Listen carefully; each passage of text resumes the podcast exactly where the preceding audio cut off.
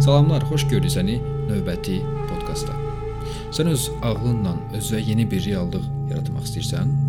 Sən bilmək istəyirsən bu dünyanı Tanrı yaradıb yoxsa təkamül vasitəsilə baş verib hər şey? Sən bilmək istəyirsən stressdən necə azad ola bilərsən və yaxud diqqətini necə artıra bilərsən? O zaman yaxın otur, çünki biz bu mövzuna əlaqəli suallara səninlə bir yerdə cavab axtaracağıq. Deməli keçək birinci suala. Law of attraction haqqında danışsaydın, çox gözəl olardı. Varlıq hissində qalarkən belə bir praktikaya ümumiyyətlə heç ehtiyac varmı? Deməli bu law of attraction qərbdə yaranan bir hərəkatdır, bir ideyadır. Secret kitabıyla məşhur oldu. Bu vaxtda bir film də var, bir kitab da var.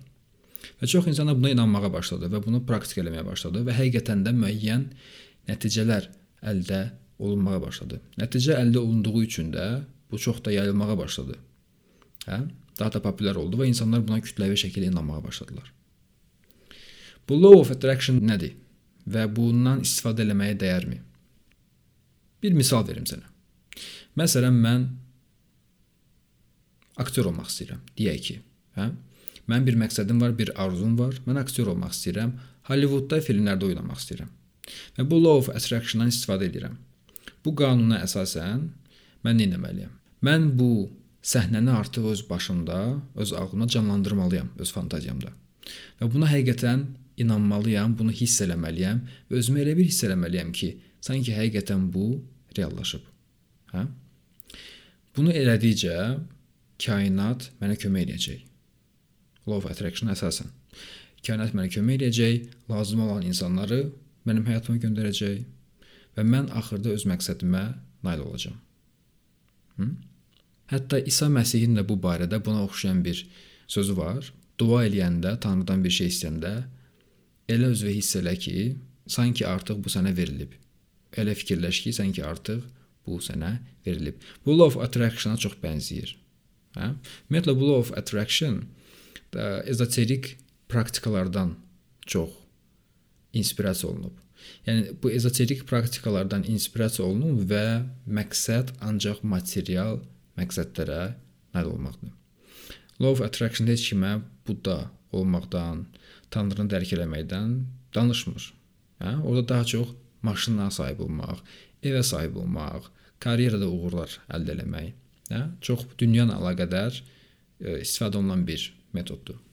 Mən sənə deyim, işləyən nədir və bu qanundan istifadə edənlər necə nəticələrə gəlib çıxa biliblər. Mən həqiqətən bir məqsəd seçsəm öz ağlıma, mən əminəm ki, o məqsədə çatacağam. Çünki bütün mənim ağlım, intellektim, intuisiyam, hissiyatım bu məqsəd üçün çalışmağa başlayacaq. Mən həqiqətən aktyor olmaq istəyirəmsə və Hollywood filmlərində oynamaq istəyirəmsə, bunu məqsəd kimi özümə seçirəmsə, mən artıq bu məqsəddə fokuslanıram. Diqqətim ancaq orada olur. Qalan hər şeydə öz həyatımdan silirəm. Bunun nəticəsində mən ancaq ora aparan, bu məqsədə aparan yolları görəcəm. Bu məqsədə aparan insanlarla söhbət edəcəm. Ədəbiyyat oxuyacağam, reklamlara baxacağam, seminarlara gedəcəm, əməlli başlı əmək sərf edəcəm bunun üçün. Hə? Vizualizasiya da eləyə bilərəm, təsəvvür də eləyə bilərəm. Heç bir problem yoxdur. Və intuisiya vasitəsilə elə olur ki, mən bu müəyyən bir prodüserə rast gəlirəm. Onu mənə kainat göndərmir. Mən öz hissiyatımın nəticəsində o adamın olduğu yerə gedirəm. Nə? Yəni attraction, bəlkə də sən buna deyə bilərsən burada. Sən hiss edirsən müəyyən bir şeyi və ora gedirsən. Lazım olan vaxtı, lazım olan yerdə olursan. Hə? Bu şəkildə sən yavaş-yavaş öz məqsədinə yaxınlaşırsan. Yəni demək istədiyim odur ki, sən bu law of attraction-a inanmasan belə, sən sadəcə olaraq öz ağlınla, öz enerjinlə müəyyən bir məqsəd qoyub ona doğru hərəkət eləsən, böyük ehtimal sən o məqsədə çatacaqsan. Sənin ağlın, sənin enerjin çox möcüzəvi bir şeydir. Çox gözəl işləyən bir sistemdir, mexanizmdir. Ondan istifadə etsən əlbəttə ki, möcüzəvi nəticələr olacaq. Hə? Bu şəkildə. Deməli, sualın ikinci hissəsi varlıq hissində qalarkən belə bir praktikaya ümumiyyətlə heç ehtiyac varmı? Buna bənzər bir praktika budizmdə var. Sən özünü müəyyən bir ilahla identifikasiya edirsən. Məsələn, özünü şəfqət tanrıçası Avalokitesh var təsəvvür edirsən və sən osan və o, o olaraq qalırsan meditasiyada. Hə? Və müəyyən bir vaxtdan sonra sən artıq onun kimi hiss eləməyə, onun kimi davranmağa başlayırsan. Çünki şəxsin müəyyən bir varlığı yoxdur. Sənin şəxsin çox dəyişkən bir şeydir. Sən özünü hər bir şeylə identifikasiya edə bilərsən. Hə? Bu dəyişkən olduğu üçün sən tanrı da ola bilərsən. hə? Bunun üçün bunun üçün ə, diqqətə ehtiyac var sadəcə olaraq. Ən gözəli varlıq hissinə qalmaqdır. Varlıq hissinə qalsan, bu praktikaya ehtiyac yoxdur. Amma müəyyən nəticələr əldə etmək istəyirsənsə, məqsədlərə nail olmaq istəyirsən dünyadan, bundan faydalana bilərsən. Yəni law of attraction demirəm. Sən sadəcə olaraq öz ağlından, öz enerjindən, öz intuisiyandan istifadə etməyi deyirəm. Bu şəkildə. Keçək ikinci suala. Yaradan yoxsa təkamül? Hardan gəlmişik, hara gedirik? Kim gətirdi bizi bura? Suallarına fikrin maraqlı olardı. Çox böyük suallardır. Çox böyük suallardır. Yaradan yoxsa təkamül? Yəni insanların bəziləri Tanrıya inanır ki, Tanrı hər şeyi yaradıb. Bəziləri təkamülə inanır. Bu daha elmi yoldur və izah edirlər ki, necə təkamül baş verib, balaca bir hüceyrədən çevrilib olub bitki, balıq, amfibiya, məməli, sonra insan. Hə? Tanrıya inananlar isə deyirlər ki, birbaşa Tanrı insanı yaradıb. Bir qadın, bir kişi. Onlar cütləşiblər və insanların sayı çoxalıb. İndi bunlardan hansı düzdür? İkisi də düzdür. ikisinin ikisinin də remix eləmək lazımdır. Hə? Həyat əslində özü özünü yaradan bir şeydir. Ayrıca yaradıcı ehtiyac yoxdur. İnsanlar həyata yaradıcı kimi baxmır, problem budur. Həyatın özü yaradıcıdır. Həm yaradılışdır, həm də yaradıcıdır. Sən həyatsan. Sən həm yaradılışsan, həm də ki yaradıcısan. Elə deyil? Bax dünyaya gör insanlar nələr yaradır və nələr yaradacaqlar. İnsanlar yaradıcıdır. Çünki insanlar ilahi bir şeydir. Həyatdılar. Ona görə yarada bilirlər. Hı? Həm təkamül var, həm də yaradıcı var. Təkamülə əsasən bu hüceyrə çevrilir olur balığa, balıq olur amfibiya, amfibiya olur, nə bilim məməli. Yəni bunlar şuursuz bir həyatın nəticəsində baş vermir. Şuursuz bir təsadüfün nəticəsində baş vermir. Elə budur, yaradıcı olmaq budur. Həyatdakı yaradıcılıq qabiliyyəti və o o güc burada özünü biruzə verir. Elə bu təkamüldə. Hə? Yaradıcılıq elə təkamül vasitəsilə baş verir. Hə? Yaradan da bu təkamülü baş verməyə sövq edən də həmin o yaradıcı qüvvədir. O yaradıcı qüvvə olmasa da heç bir təkamül olmazdı. Hə? Təkamül var və bunun da səbəbi yaradıcıdır. Hə? Həm yaradan var, həm də təkamül var. Bu sualı vermişdilər Ramana Maharshiyə. Ramana Maharshi deyirdi ki, biz bilmirik necə baş verib. Nə sən bilirsən, nə mən bilirəm. İndi bu saat. Biz bilmirik bu necə baş verib. Amma biz indi bilirik ki, varıq və indi burdayıq. Nəyə görə biz səndən diqqətimizi bu varlığa gətirməyək? Hə? Nəyə görə biz indi burada olana baxmayaq və durub keçmişdə hər şey necə baş verdiyini fikirləşək? Necə sualdır? Hı? Bu daha aktualdır. Bu daha maraqlıdır. Bu daha faktiki bir söhbətdir. İndi bu saat varsan və indi bu saat dəqiq olaraq bildiyim budur. Qalan hər bir şey teoriyadır, hekayədir. İndi bu saat sənin varlığın o qədər maraqlı və möcüzəvi bir şeydir ki, nəyə görə sən diqqəti ora ayırmırsan? Nəyə görə sən bu varlığın özünü araşdırmırsan? Onun yerinə hansısa tanrını araşdırırsan, hansısa təkamülü araşdırırsan, hansısa ə, məməliləri, amfibiyanı araşdırırsan, hə? Üçüncü sual. Qorxu nədir? Bu gün insanların çoxu qorxuna yaşayır. Və qorxu çox böyük stress yaradır insanın sistemində. Və qorxuyla heç bir potensialı axıra kimi realizə etmək də mümkün deyil. Açılmaq mümkün deyil bu dünyaya, həyata Çünki qorxursan. Qorxaq şəkildə yaşayırsan. Qorxaq şəkildə sən nə əldə edə biləcəksən dünyadan? Çox bir şey yox. Həyatı tam mənada yaşaya bilməyəcəksən. Hə? Həyat gəlib keçəcək, sən qorxaraq gizlənəcəksən həyatdan. Bəs bu qorxu nədir? Bu həyatımızı məhv edən bu enerji, bu emosiya, bu hiss nədir? Artıq dediyim kimi bu bir emosiyadır. Hə? Bu bir hissdir. Və bu qorxunun müəyyən bir səbəbi var. Müəyyən bir bu mexanizmdir ki, səni həyatda saxlasın. Qorxunun məqsədi və səbəbi səni qorumaqdır. Səni həyatda saxlamaqdır. Survival. Yəni bu keçmiş zamanlardan, o vaxtlardan qalan bir şeydir. O vaxt ki sən qorxmalıydın ki, daha diqqətli olasan. Qorxu onun üçün lazımdır. Bu heyvanlarda da var idi, indi də var. Hə? Yəni reptiliya baxanda ətraf mühitinə onun qorxu hiss eləmə anıyla hərəkət anı eyni vaxtda baş verirdi. Eyni anda o qorxunu hiss edən kimi aradan çıxırdı. Çünki müəyyən bir təhlükə ola bilər onun həyatına. Həyatını qorumaq üçün o qorxuya onun ehtiyacı var. Ki diqqətli olsun və aradan çıxsın. Hı? Bu məməlilərdə bu təkamüldə daha da irəliləmiş varlıqlarda qorxu ilə hərəkət arasında müəyyən bir vaxt olurdu. Qorxu əmələ gəlir və diqqətli şəkildə baxır ətrafa, heç bir şey görməyəndə öz hissiyat orqanlarından başını aşağı salır, otlamağa davam eləyir. Görsə artıq aradan çıxır. Hə? Qorxu onu diqqətli eləməyə sövq eləyir. Sadəcə heyvanlar qorxunu davamlı şəkildə hiss eləmirlər. O həmin anda qorxunu hiss elədi, gördü ki, təhlükə yoxdur, artıq qorxu yox olur.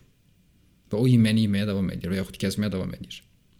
Biz insanlar qorxunu hiss edirik və bu davamlı şəkildə baş verir. Hı? Fərq bundan ibarətdir. Və bizim həyatımıza bu günləri təhlükə yoxdur fiziki şəkildə. Sən evdən çölə çıxanda heç kim sənin üstünə avtomatla tullanmır, heç kim üstünə bıçaqla tullanmır. Heç kim gəlib dişlərdən sənin boğazından yapışmır. Hə? Şir yoxdur ağacın arxasına gizlənən.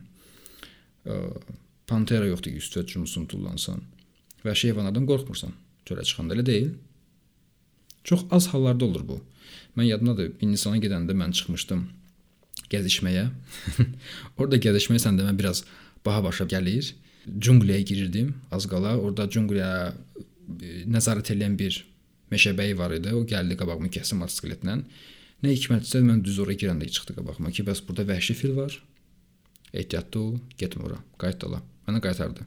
İndi mən ora girsəydim, əlbəttə ki, həmən bu qorxu söhbəti və filin arxamca düşməyi baş verə bilərdi ki, orada bir elə bir məqam da oldu. Mən başladım qaçmağa. İkinci dəfə gedəndə cünqüləyə eşitməyə başladım filin səslərini. O da tək yaşayır orada, sürüsüz, hə? Vəhşi filli. Gəlir üstündən keçir də, belə bir şey. Həyatını orada qurtarır. Və bunu eşidən kimi başladım qaçmağa və bu qorxunu həmin anda o an hiss elədim, hə? Və artıq müəyyən qədər qaçandan sonra getdim gizləndim bir ağacın arxasında. Başladım gülməyə. Çünki çünki heç bir təhlükə yox idi artıq. Fil yox idi arxamca düşən və bu qorxana keçdi. Ondan sonra mən qorxmağa davam eləmədim. O qorxu orada qaldı. Çünki o qorxu mənə lazım idi ki, mən aradan çıxa bilim. Hə? Öz həyatımı ə, e, qoruya bilim. Survival. Bu qədər. Ondan o tərəfəsinə lazım deyil. Bizim problemimiz odur ki, biz bu survival söhbətini fiziki səviyyədən götürüb psixoloji səviyyəyə keçirtmişik və hər və daimi şəkildə biz öz psixoloji psixoloji varlığımızı qorumağa, onu saxlamağa çalışırıq ki, o survive eləsin. Hə? Qorxumuz bizim o ilə bağlıdır, şəxslə bağlıdır. Persona. Hə? Persona sənin maskandır, sənin şəxsindir. Sənin qorxuların da çoxsu onunla bağlıdır. Dediyim kimi, kimsə sən çölə çıxanda üstüvə tullanıb boğazından dişləmir. Müharibə şəraitində yaşayan insanlar ayrı. Orada qorxu fiziki səviyyədədir. Hə? Təhlükə olduğu zaman qorxur, təhlükə bitdiyi zaman qorxmur. Sən psixoloji olaraq qorxursan. Bu da ki, sənin şəxsvə görədir. Sən o şəxsi ayaqda saxlamağa çalışırsan. Ki birdən kimsə mənə nəsə deyər. Birdən məni aşağılayarlar. Birdən mənim reputasiyam birdən korlanar. Hə?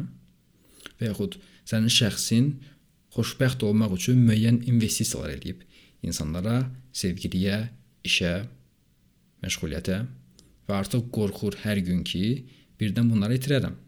Mən bu investisiyaları, bu yatırımı itirsəm, xoşbəxtliyim əldən gedəcək. Elə deyil? Qorxular çox vaxt buna əlaqədardır. İndi sənin gəl fikirləşək, bu nə qədər müdrik bir addımdır. Öz xoşbəxtliyi başqa obyektlərdən asılı eləmək nə qədər müdrik bir addımdır, nə qədər ağıllı bir şeydir.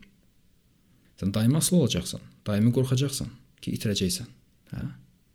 Qorxduğun üçün ətrafındakı insanlara imkan verməyəcəksən nəfəs alsınlar. Hə, müdirinlə münasibətin çox süni bir şey olacaq. Daimi istəyəcəksən öz işi qoruyasan, öz vəzifəvi qoruyasan. Bunun üçün nə lazımdırsa, nə pislik lazımdırsa eləməyə hazırsan. Tək ki, onu itirməyəsən. Qorxu səni buna sövq eləyir. Hı? Sənin xoşbəxtliyin, azadlığın, tətminliyin heç bir xarici obyektdən asılı olmasa, sən heç bir qorxun olmayacaq. Heç bir qorxun olmayacaq. Ancaq qorxu fiziki səviyyədə baş verə bilər. O da ki, arxanca mənim kimi fil düşsə, qaçmağa başlasa arxanca, onda qorxarsan. Pələngdən qaçsan, qorx. Zəhmət olmasa orada qorx, bu yaxşıdır. Problem yoxdur burada. Amma şəhərdə öz bağlı olduğun insanlardan hansısa obyektləri, insanları itirməkdən qorxmaq o deməkdir ki, sən yanlış yerə investisiya eləmisən. Yanlış yerə yatırım eləmisən. Hə? Və bunları yenidən nəzərdən keçirmək lazımdır. 4-cü sual. Zəhmət olmasa incəsənət haqqında biraz danışa bilərsən. Bilərəm. incəsənət, incə sənət, hə? İncə olmalı bu sənət. Bu günləri incəsənət müxtəlif formalardadır. Və sən getsən bir sərgiyə, hansına ki mən tez-tez gedirəm, modern, contemporary art, müasir sənət. Sən görə bilərsən ki, kimsə yığıb ora kuklaları, manekenləri, nə bilim, kasetləri filan birləşdirib hansı bir kompozisiya əmələ gətirib burada və buna incəsənət deyir. Kimsə rəsm çəkib buna incəsənət deyir. Kimsə installyasiya edib, kimsə heykəl düzəldib, incəsənət deyir. Müxtəlif formalar var. Hə? İncəsənətin. İncəsənət bəs nədir? Ən mükəmməl incəsənət bu yaradılışın özüdür. Bu təbiətin özüdür. Sən təbiətə bax. Oradakı gülə bax. Oradakı dizayna bax. Hə? Heyvanların estetikasına bax. Yəni bu mükəmməl bu mükəmməl sənətdir. Bu mükəmməl incə və detallı və diqqətli bir sənətdir. Yəni bu yaradıcı, bu həyat elə bir diqqətlə, elə bir sevgi ilə çəkib ki, hər bir varlığı, yaradılışı. Yəni insan baxır, qanı donur. Bu təbiət mükəmməl incəsənətdir. Yaratmaq həyatın təbiətidir. Biz də həyat olduğumuz üçün eyni işlə məşğuluq. Biz də yaratmaq istəyirik.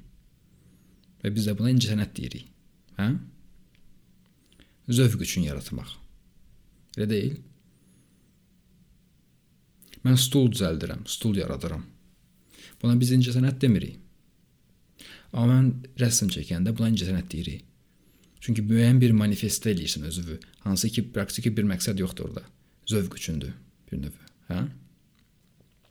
Və bu yaradılış prosesində yaradıcı üç şeyə diqqət etməlidir. Birincisi, yaradılışda, obyektlərdə, gördüyü hər bir şeydə, hər bir varlıqda gözəlliyi görmək. İkincisi, sevimliliyi görmək. Sevgi hissindən həmin o varlığa və yaxud obyektə bağlanmaq. Üçüncüsü isə onun müqəddəsliyini görmək. Bunlar nə deməkdir? Gözəlliyi görməsən, gözəlliyi yaratmaq istəyirsənsə, gərək estetik bir keyfiyyət olsun səndə, estetik bir zövq olsun səndə. Sonra gözəlliyi, o harmoniyanı görə biləsən, hə? Bir yapon rəqs növü var. Buna buton deyirlər. Mənim ə, iki dostum var, onlar bununla məşğuldur. Biri yapondur, bir də ki italyandır. İkisi də bu rəqs növündə məşğul olurlar.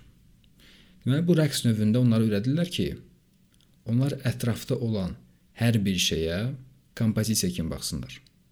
Hər bir şeyə rəqs kimi baxsınlar. Hər bir şeydə gizli estetikanı görə bilsinlər. Yemək yeyəndə öz boşqabındakı yeməyə baxanda, küçədə gedəndəki maşınların düzülüşündə, insanların metroya minməyində, hər bir şeydə sən bu rəqsi görürsən. Hər bir şeydə sən bu estetikanı tapa bilirsən. görə bilirsən, tanıyırsan. Bu birinci keyfiyyətdir. Yaradıcı olmaq üçün, yarada bilmək üçün bunu görməlisən. İkinci keyfiyyət sevimliliyi görmək. Ürəkdən bağlanmaq, ürəklə bağlanmaq. Əgər mən bir kitab əlimə götürürəmsə, o kitab çox da gözəl olmaya bilər, adi bir kitabdır. Amma mən onu əlimdə tuturamsa, mən onun sevimliliyini hiss edirəm. Əmək sərf olunur çünki ona. Və o kağızları düzəltmək, o ağaclar, bunu bir yerdə bağlamaq, bu yazıları yazmaq kütləvi şəkildə böyük bir əmək sərf olunub. Və mən bu əməyi əlimdə tutanda məndə sevgi hissi yaranır. Və mən bu əşyanın dəyərini bilirəm. Çünki sevirəm. Bu ikinci keyfiyyətdir. Və üçüncü keyfiyyət müqəddəsliyini görmək. Mən bir ağaca baxanda onun həm gözəlliyini görürəm. Həm ona sevgi ilə bağlana bilirəm. Bir varlıq kimi sevgi ilə baxıram ona. Və üçüncü keyfiyyətdə onun qabağında müqəddəs olduğu üçün baş əyə bilirəm. Və bu şəkildə sən həyata hörmət göstərirsən. Və həyatın müqəddəsliyini tanıyırsan, ilahiliyini tanıyırsan. Hı? Bu keyfiyyət səndə olanda sən çox möhtəşəm şeylər yaratmaq bacarığına sahib ola bilirsən. Sənin inspirasiyan həmin o müqəddəslik olur. Həmin o alilik, ilahilik olur. Hə? Sən zirzibillə bir, bir yerə yığıb buna bir incəsənət adı verməyə çalışmırsan. Hı? Bu üç keyfiyyət səndə olsa, yaradıcı kimi sən çox gözəl şeylər yarada bilərsən bu dünyada. Hansına ki, ehtiyac var. Keçək 5-ci suala. Ayağımda ziyil çıxır bu stressdəndirmi?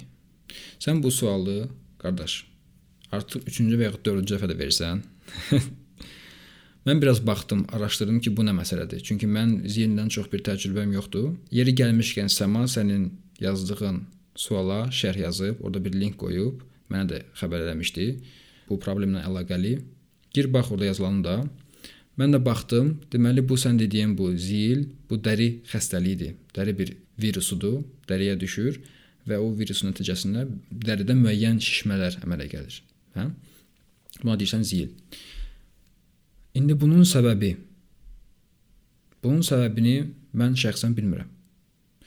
Luza Hay adında bir yazar var. O həm də ki bu xəstəlikləri müalicə eləyir. Həkim deyil, bildiyim qədər həkim deyil, özündəki xərçəngi müalicə eləyib və hər xəstəliyin emosional bir səbəbi olduğunu iddia eləyir və yaxud deyir. Və onun kitabında hər bir bütün xəstəliklər siyahısı var və hansı xəstəliyin problemi, hansı emosiyadır, hansı hissdir, onu yazır orada. Mən baxdım sənin ə, zil probleminə.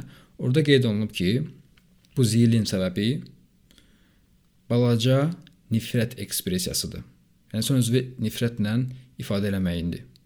Və yaxud çirkinliyə inanc. Sən çirkinliyə inanırsan, belə bir şey ola bilər.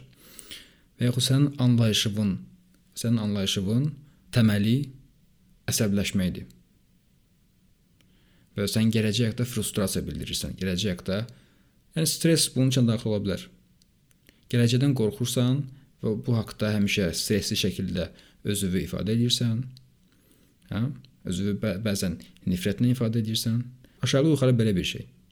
İnsan bunları öz həyatına yığışdıra bilərsən əlbəttə, bu vərdişləri.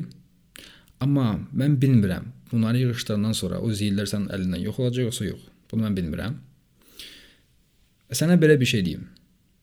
Mən məktəbdə oxuyanda mənim sinif yoldaşımda o zil var idi əllərində. Və bir gün gəldi ki, gördü əllərini bağlayıb, gedib lazerlə o zilləri kəsiblər həkimdə. Ondan sonra onun, onun əlindən keçdi getdi olar. Bitdi o iş.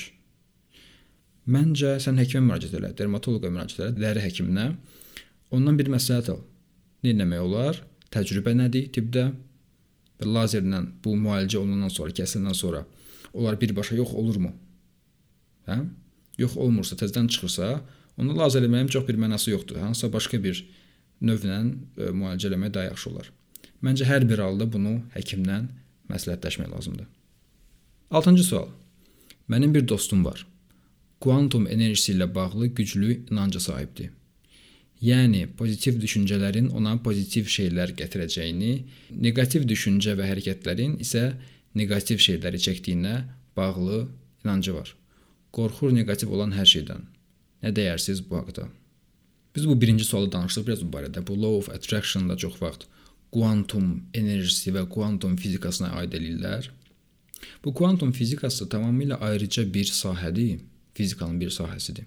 Düzdür, fizikada fiziki dünya ilə əlaqədardır. Sənin ağlın da fiziki dünya ilə əlaqədardır. Yəni material bir şeydir, kvantum material bir şeydir, müəyyən bir əlaqə ola, bilər. Amma ki, bu pozitiv düşüncəni mütləqdəki kvantum fizikasına əlavə e, bağlamağa, əlaqələndirməyə ehtiyac yoxdur. Hı? Kvantum fizikasında müxtəlif paradokslar var, müxtəlif anlaşılmayan məsələlər var. Hə? Yəni fiziki elementlər dedik, dedikləri bəzən ə, başlayırlar dalğa kimi hərəkət etməyə. Məsələn, elektronların yerini bilmək olmur, onların ancaq təxmin eləmək olur ki, harda yerləşir filan. Yəni müəyyən bir fleksibillik var sən demə. Kvantum fizikasında bu məlum olur ki, material dünyada müəyyən bir fleksibillik var. Və bunu da bəzən insanlar istifadə edirlər bu pozitiv düşüncəyə, pozitiv psixologiyaya ki, fiziki dünya bax, fleksibledir, dəyişə bilər. Ona görə sən ağlını dəyiş, sən öz düşüncəvi dəyiş, sənin dünyan dəyişsin. Çünki dünya bərk deyil, tərpənməz deyil sən istədiyin kimi onu dəyişə bilərsən. Hə? Bunlar ə, deməli o bu ideologiya burdan gəlir. Pozitiv şeylər pozitiv nəticələr verir. Bu müəyyən qədər doğrudur. Neqativ düşünsən, sən heç nə alınmayacaq məndə. Mən heç vaxt uğurlu olmayacağam. Mən GPS-lə qurtulmayacağam. Mən həmişə bu vəziyyətdə ilişib qalacağam. Sən bu cür düşünsən, sən hansı nəticəyə, hansı nəticə əldə edə bilərsən həyatında? Pozitiv nəticə. Çətin. Çətin. Amma sən düşünsən ki, mən bunun bir yolunu tapacağam. Mən istədiklərimə nail olacağam. Hı? Pozitiv düşünsən, bunun bir nəticəsi ola bilər. Hər bir fikrin öz nəticəsi olur. Hər bir fikrin öz enerjisi var. Hər bir fikir səni müxtəlif şəkildə təsir edə bilər. Və bundan müəyyən qədər faydalanmaq olar. Məsələn, affirmasiyalar var pozitiv psixologiyada. Bunda müəyyən bir dəstək var, bunda müəyyən bir köməyi var. Sən müəyyən bir affirmasiya dinlə. Onu təkrarla bir neçə dəfə, bax gör özünü necə hiss edirsən. Mən məsələn deyirəm ki, mənim həyatımda hər şey yaxşıdır və mən günü-gündən daha çox özümü yaxşı hiss edirəm. Hər gün mən özümü daha da yaxşı hiss edirəm. Hər gün mən özümü daha da yaxşı hiss edirəm.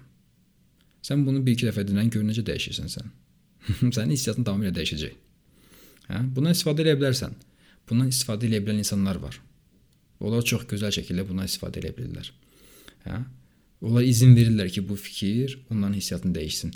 Bəzi insanlar isə ön yarğılı yanaşır buna ki, "Ə boş söhbətdir, buna affirmasiyalarla, fikirlə necə mən dəyişim hissiyatımı filan." Onlar istifadə edə bilmirlər bundan. Hə? Bundan hamı istifadə edə bilmir. Hamı uyğun bir texnika deyil bu. Amma bəzi insanlar bundan çox gözəl şəkildə istifadə edə bilirlər. Və onlarda müəyyən bir fleksibillik var. Onların ağılları, eqoları çox bərk deyil. Biraz elastikdir. Hər şəkildə, hər formaya düşə bilər. Ona görə bir fikir yaradır və o fikir onun tamamilə hissiyatını dəyişir. Hə? Ona görə əlbəttə ki, pozitiv düşüncənin müəyyən pozitiv nəticələr olacaq. Bu öz yerində. Amma bu neqativdən qorxmaq filan ona ehtiyac yoxdur. Və bütün bunları kvantum fizikasına bağlamaq da ehtiyac yoxdur, əlaqələndirməyə də ehtiyac yoxdur. Hə? Neqativdən qaçmırsan. Müəyyən neqativ atmosferdə olmaya bilərsən.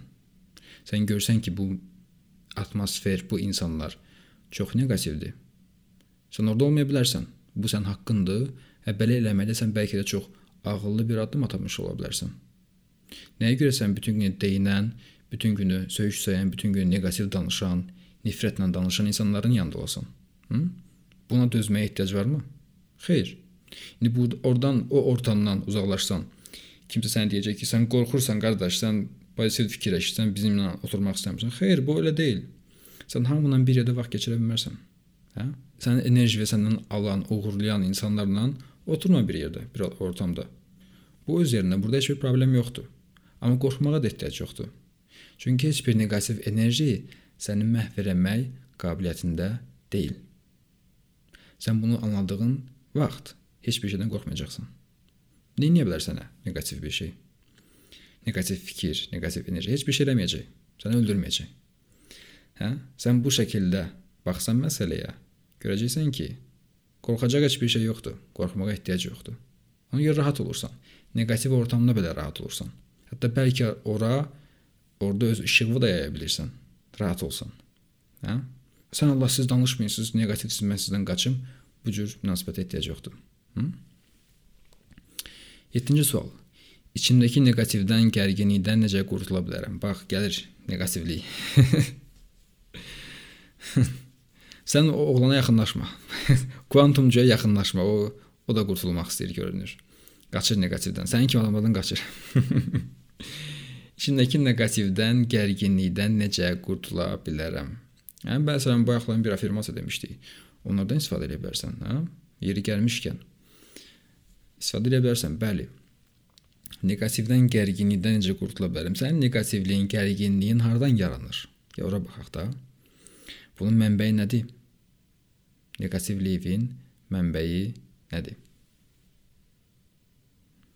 Hardan yaranır bu neqativlik? Göydənmi düşür? Yemək yeyəndənmi, yeməkdənmi keçir? İnsanlardanmı keçir? Bu gərginlik hardan yaranır?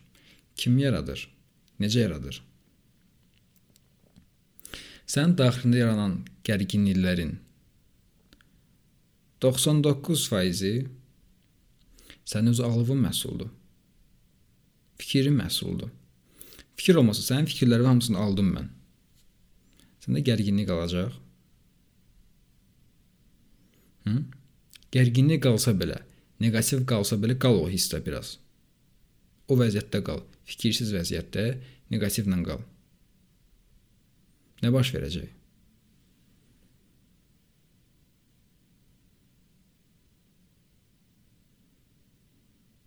Müəyyən bir vaxtdan sonra o gərginlik, o neqativ yox olacaq. Baş verən bu olacaq. Çünki sən onu dəstəkləməyəcəksən artıq öz ağlından. Sən neqativ şəkildə fikirləşirsən. Neqativ şəkildə davam edirsən. Müəyyən bir neqativ fikir yaranır və sən onu fikirləşirsən, fikirləşirsən, fikirləşirsən və bu neqativ davam elətdirirsən, dəstəkləyirsən özün. Özün daimi neqativlik yaradırsan. Özün daimi gərginlik yaradırsan. Çünki ağlından istifadə etməyi bacarmırsan. Hı? Çünki özündə öz varlığında olmağı bacarmırsan. Rahatlıqda olmağı öz daxilində, rahatlıqda olmağı bacarmırsan. Neqativliyi, gərginliyi yaratdığın təqdirdə kim sənə kömək edə bilər? Sən özün neqativlik yaratmağa davam edirsənsə, sənə kim kömək edə bilər?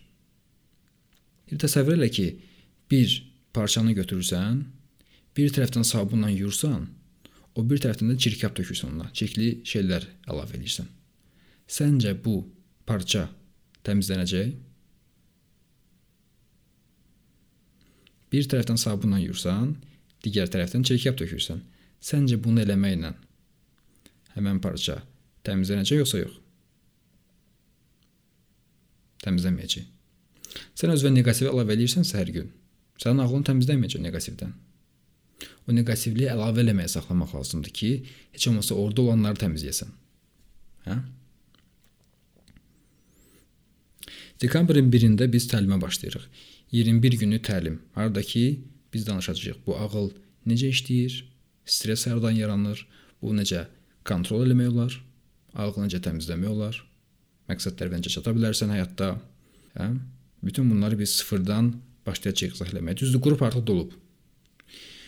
20 neçə nəfər artıq qrupda var. Artıq kifayət qədər böyük qrup oldu. Mən daha çox istəyirdim bunu balaca saxlayım. Amma ki, sənin üçün istisna eləyə bilərik. Sən qatılmaq istəsən, ki mütləq qatıl məncəsən. Əgər bir problemin varsa, nə sənin üçün yaxşıdır bu vəziyyətdə qalmaq, nə də ki sənin ətrafındakı insanlar üçün.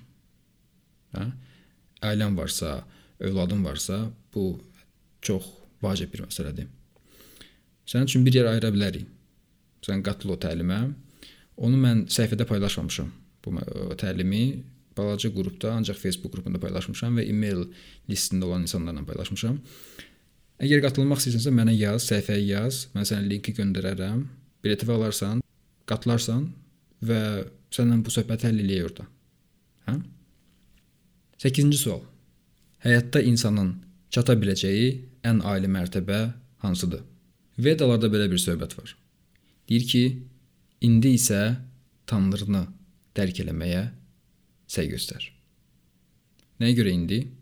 İndi yəni ki, madam ki sən indi insan bədəninə doğulmusan, insan vəziyyətindəsən, insan səviyyəsinə gəlib çatmısan. İndi bütün enerji sərf elə ki, Tanrını dərk edəsən.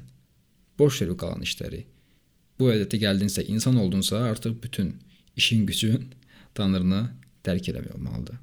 İnsanın çata biləcəyi ən ali mərtəbədə elə bu Tanrını dərk eləməkdir. Müəyyən mənada Tanrının özü olmaqdır. Hı?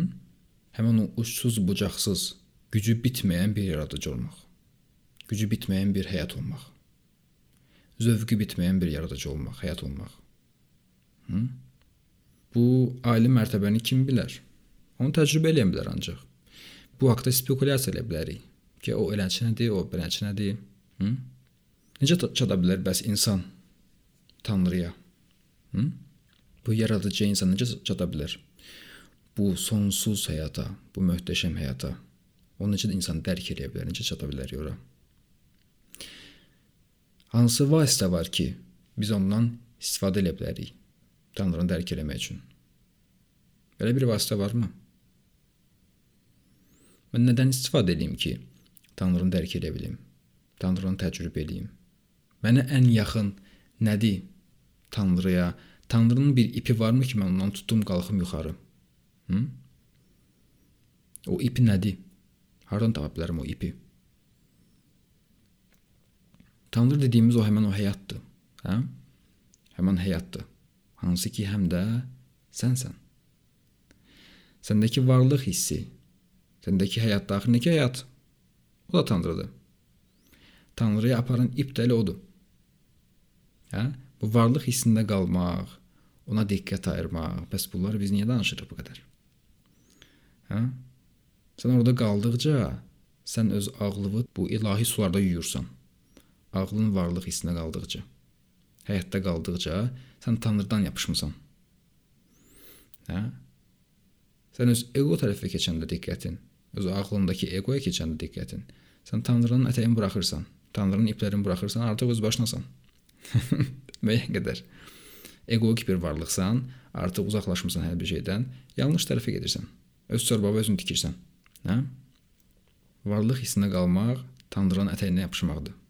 Tanrının ipinə yapışmaqdır. Və bu şüurdan deyilir ki, bu Ramana Maharshi, bu Maharac, Nisargadatta Maharac ki, yapış bu mən varam hissindən və onun kökünə qədər get. Bax gör onun mənbəyi hardadır? Hardan başlayır? Hə? Vasitə budur. Üsul budur. Əgər bu sənə maraqlıdırsa. Hə? Çünki bu sual vermək çox asandır. İnsanın çata biləcəyi ən ali mərtəbə hansıdır? Fərdi canlar dedi ki, Tanrını dərk etmək. O, bildik. Əla, alqışlar. bu qədər asandır, hə? Yəni bildim artıq. Kim soruşsa çayxanada, Qardaş bilirəm də, söhbəti gəl oturun danışım sizə. İnsanca da biləcəyi ən ali mərtəbə filan filan filandır. Demək çox asandır. Soruşmaq da asandır. Nə qədər qərarlı şəkildə soruşursan, nə qədər bu sənə önəmlidir? Hı? Əsas məsələni bu həll edir əslində. Bu sual cavabın çox bir mənası yoxdur. Əsas məsələni sən həll edirsən. Sənin qərarlığın. 9-cu sual. Evimdəki insanların cəhənnəm həyatını özləri özlərinə yaşatdıqlarının şahidiyəm. Necə o əzizlərimə kömək edə bilərəm? Mən özüm də ilk Allahın, sonra isə sizin sayənizdə özümü tapdım. Sizə sonsuz minnətdarlığımı bildirirəm. Evinizdəkilərin cəhənnəm həyatı özlərinə cəhənnəm həyatı yaradırlar. Necə onlara kömək edə bilərsən? Mən özüm rahat olmasam daxilimdə. Mən özüm bu zövqü təcrübə eləməsəm, mən özüm xoşbəxt olmasam və xoşbəxtlikdən danışsam, kimsə mənə inanar? Sözlərimə bəlkə də qulaq asarlar, amma hamı hiss edəcək ki, nəsə nitodur. Nəsə yerində deyil. Hə? Bunu o saat hiss etmək olur. Mən həqiqətən xoşbəxt olsam, mən həqiqətən azad olsam və zövqlə yaşasam, bu ilahi zövqü təcrübə eləsəm və bu haqqda danışsam, o zaman insanlar qulaq asacaqlar. Çünki biləcəklər ki, hiss edəcəklər ki, bu adam bunu həqiqətən təcrübə edir. Bunu intellektual şəkildə analiz edib tapa bilmirlər. Onlar hiss edirlər bunu. Hı? Sən özün özünü tapmısansa, özünə gələcək daha çox dərinləşəsən. O qədər ki, yanan bir günəşə çevriləsən. Hansının ki, enerjisi ətrafa yayılır. Hə? Sən sevgi hissində qalanda sən ətrafa dalğalar göndərirsən, sevgi dalğası.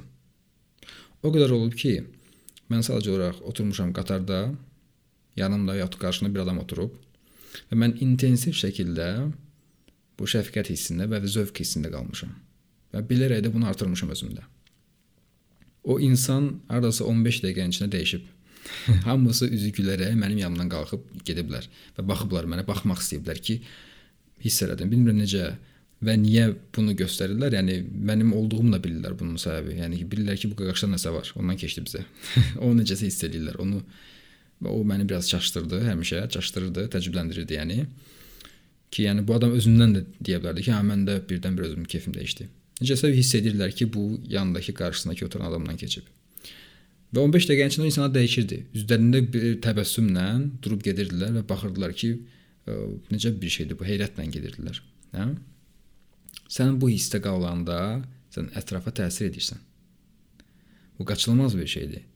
Sən öz evində bu hisslə gəzsən, bu zövqlə gəzsən, bu xoşbəxtliklə gəzsən, bu sevgilə gəzsən, bunun sənin valideynləri və sən ailəvə təsir etməməsi mümkün deyil. Çünki yayılır bu yoluxucu bir şeydir. Sən ətrafa daimi enerji göndərirsən. Hansı enerji göndərsən bəs? Hə? Ətrafa enerji göndərsən, bəs hansı enerjini göndərirsən? Bu çox əhəmilidir. Sən evdə də bu şəkildə gəzməlisən, küçədə də, yolda da, şəhərdə də. Bu şəkildə gəzdikcə sən təsir edəcəksən insanlara. İnsanlar baxan kimi bəzən görəcəksən ki, sənin üzvə baxıb səni tanıyırlar. Bilmirlər kimi tanıyırlar. Amma onlara çox doğma bir varlığı tanıyırlar. Və baxıb sənə gülürlər. Bunu görəcəksən. Son vaxtlar bu getdikcə lap çox baş verir. Mən bu vəziyyətdə olanda, zövq vəziyyətində olanda, özümdə olanda tamamilə və bu şəkildə baxanda insanlara, hə?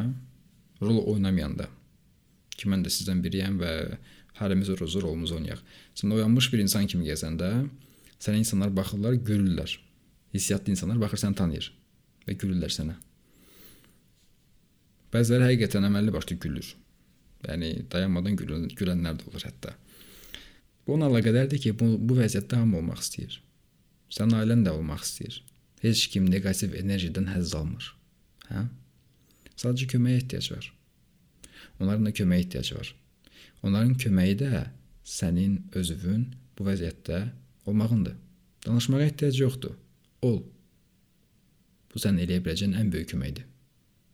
Əgər bu dünyaya kömək eləmək istəyirsənsə, özün gərək realizə olunmuş azad bir insan olasan. Bu sənin dünyaya edə biləcəyin ən böyük yaxşılıq olar. Bugünlük bu qədər kifayətdir. İlk 9 suala cavab verdik. Qalan suallarda növbəti podkastda cavab axtararıq. Qulaq asdığınız üçün çox sağ olun. Hələlik.